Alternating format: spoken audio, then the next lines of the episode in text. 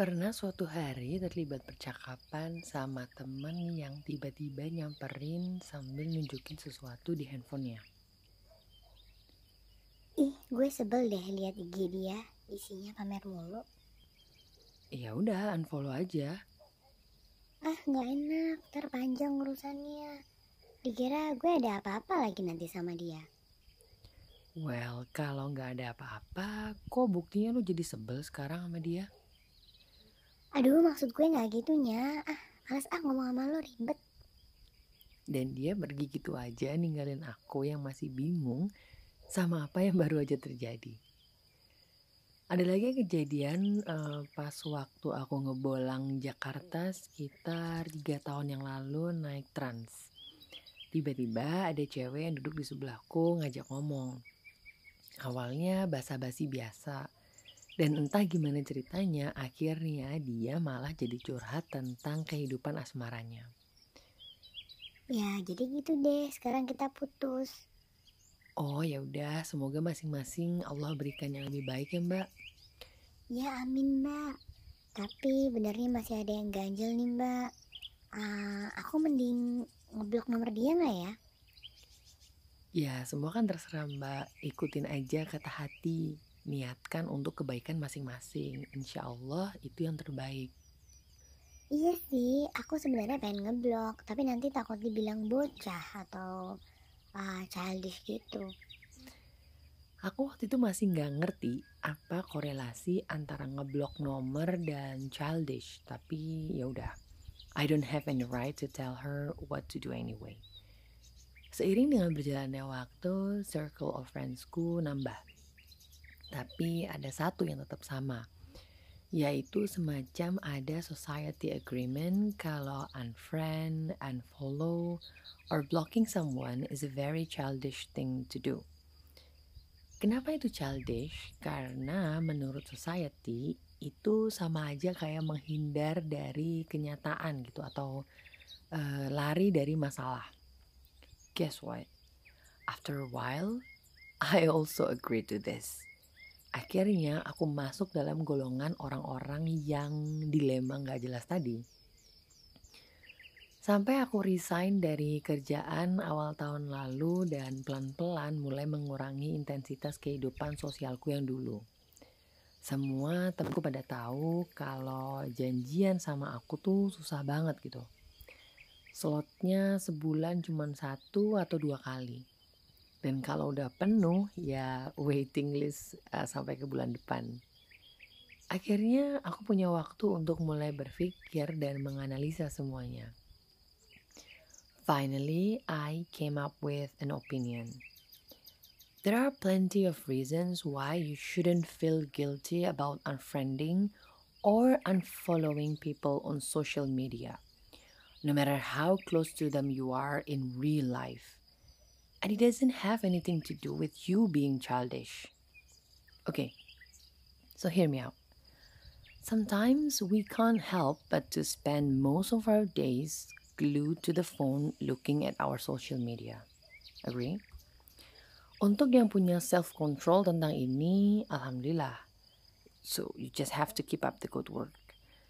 Anyway, no matter how hard we try to be positive about things, once in a while, we will feel annoyed or even upset with what we see on social media. Because social media gives everybody a platform to express their thoughts and opinion about something, like what I'm doing with my monologue. But here's the fact that we tend to forget. We don't have to always listen or see what they post. Kita punya hak untuk memilih kok. Kita bisa pilih untuk ikutan heboh sama settingan terbaru atau fokus cari ilmu yang kita butuhkan di social media. Aku juga dulu pernah selalu ke-trigger sama postingan teman-temanku gitu ya. Jadi aku aktifin aja fitur di mana aku bisa memilih untuk nggak lihat postingan mereka tapi nggak sampai unfriend atau block. Tapi ada juga yang aku unfriend dan block. Karena keberadaan mereka di media sosial dan WhatsApp itu benar-benar mengganggu hidupku secara langsung. Mereka aku anggap nggak menghargai hakku untuk tidak lagi mau dihubungi kecuali untuk urusan yang sangat-sangat mendesak. Jadi aku putus semua komunikasi total dengan niat demi kebaikan bersama.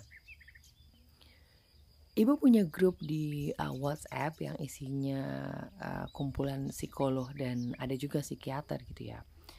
Suatu hari mereka membahas temuan di lapangan tentang hubungan antara media sosial dan kesehatan jiwa atau mental health. Mereka mengamati semakin bertambahnya media sosial yang ada di dunia maya, maka semakin banyak pula waktu yang dihabiskan oleh seseorang di media sosial. Itu semua mengakibatkan naiknya tingkat depresi beberapa tahun terakhir. Aduh, maaf ya kalau agak berbelit menjelaskan tema penelitiannya, but I hope you guys get the point uh, that I'm trying to say. Karena menurut penelitian mereka, kebanyakan hal pribadi yang dibagikan ke media sosial adalah yang baik-baik dan yang bagus-bagus. Yang walaupun itu nyata, eh, bukan editan, bukan tipuan gambar atau bukan settingan, tapi kehidupan mereka sebenarnya nggak selalu sebagus dan sebaik itu setiap detiknya. Nah, ketika kita menghabiskan banyak waktu untuk scrolling semua achievement orang lain, semua kesuksesan orang lain, otomatis bahkan mungkin tanpa kita sadari, kita akan mulai membandingkan dengan diri sendiri. Walaupun ada juga yang malah jadi termotivasi dengan melihat itu semua, tapi tidak bisa dipungkiri bahwa ada juga yang malah jadi depresi. Ngerasa nggak berguna, ngerasa harus berkejaran dengan waktu gitu, ngerasa nggak bisa diterima sama society dan lain-lain. Karena ini pernah aku alami sendiri untuk beberapa tahun sejak uh, aku kembali ke Indonesia. Well, what I'm trying to say is, kita bertanggung jawab penuh atas kesehatan mental diri sendiri kita nggak bisa ngelarang orang untuk posting apa pun yang mereka mau, untuk ngomong apa pun yang ada dalam pikiran mereka, karena itu media sosial mereka dan kita nggak punya hak apa-apa atas kehidupan mereka selama itu nggak melanggar hukum yang berlaku. Kita bertanggung jawab penuh atas ketenangan dan kedamaian pikiran kita dengan cara melihat hal-hal yang yaitu tadi membuat kita merasa tenang dan damai. Bukan berarti apa yang orang lain posting itu jadi jelek ya, bukan. Ini bukan masalah baik dan buruk. Ini tentang apa-apa yang membuat kita merasa damai. Kalau kita merasa damai melihat pasangan suami istri yang kehidupannya bahagia, ya go ahead, follow them and follow some more supaya kita juga bisa terpacu dan termotivasi dengan kehidupan mereka. Kalau kita malah merasa apa yang mereka bagikan ke media sosial itu nggak ada faedahnya untuk kehidupan kita, malah bikin kita jadi orang yang julid, ya unfollow aja. Fokus cari konten yang bisa membawa manfaat bagi hidup kita. Follow akun-akun dakwah misalnya, yang bisa berbagi banyak ilmu tentang kehidupan dan tentang agama kalau kita merasa mantan atau orang yang pernah deket sama kita itu baik-baik aja, ya udah, nggak usah diblok nggak apa-apa. Nggak ada hubungannya kok sama belum bisa move on dan nanti kalau udah menikah terus kita memutuskan untuk ngeblok semua nomor lawan jenis yang pernah deket sama kita, ya juga nggak apa-apa. Nggak ada hubungannya sama uh, takut sama pasangan gitu. Karena bisa jadi justru itu adalah cara kita untuk menghargai suami atau uh, istri kita. Kalau mereka malah mengganggu hidup kita, nelponin tengah malam, masih menghubungi kita padahal mereka udah menikah, ya udah blok aja. Gak ada hubungannya sama kedewasaan. Karena kita juga punya hak untuk bisa waras dan tenang dalam menjalani hidup yang sekarang dan pasangan hidup mereka itu juga punya hak atas kesetiaan suami atau istrinya. Dulu aku khawatir, gimana kalau nanti aku diomongin uh, di belakang gitu ya atau digibahin sama orang-orang di luar sana tentang aku yang childish karena unfollow, unfriend atau ngeblok orang lain. Aku ngerasa hopeless karena uh, aku nggak akan ada di sana untuk bisa menjelaskan apa yang sebenarnya terjadi. Tapi sekarang aku tahu, aku punya hak untuk hidup tenang. Aku bertanggung jawab untuk kesehatan jiwaku dan aku nggak punya kewajiban untuk menjelaskan ke semua orang apa yang sebenarnya terjadi. Karena mereka juga punya hak untuk berpikir apa pun tentang aku. Kita nggak harus ngerasa bersalah karena udah unfollow, unfriend, atau bahkan ngeblok orang. Siapa pun itulah.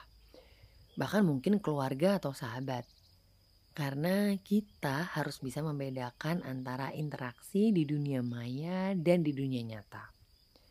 Kalau kita unfollow saudara misalnya, bukan berarti kalau nanti ada acara keluarga kita jadi nggak saling sapa. Atau kalau kita unfollow teman, bukan berarti kita musuhan. Kan masih ada nomor telepon yang bisa dihubungi atau bisa silaturahmi, ketemuan langsung. Bahkan mungkin justru dengan unfollow atau unfriend uh, mereka di dunia maya, kita malah bisa jadi lebih akrab di dunia nyata. Semoga kita semua diberi nikmat oleh Allah, teman-teman yang bisa saling membawa manfaat, saling mengingatkan dalam kebaikan, baik di dunia maya maupun di dunia nyata. Amin.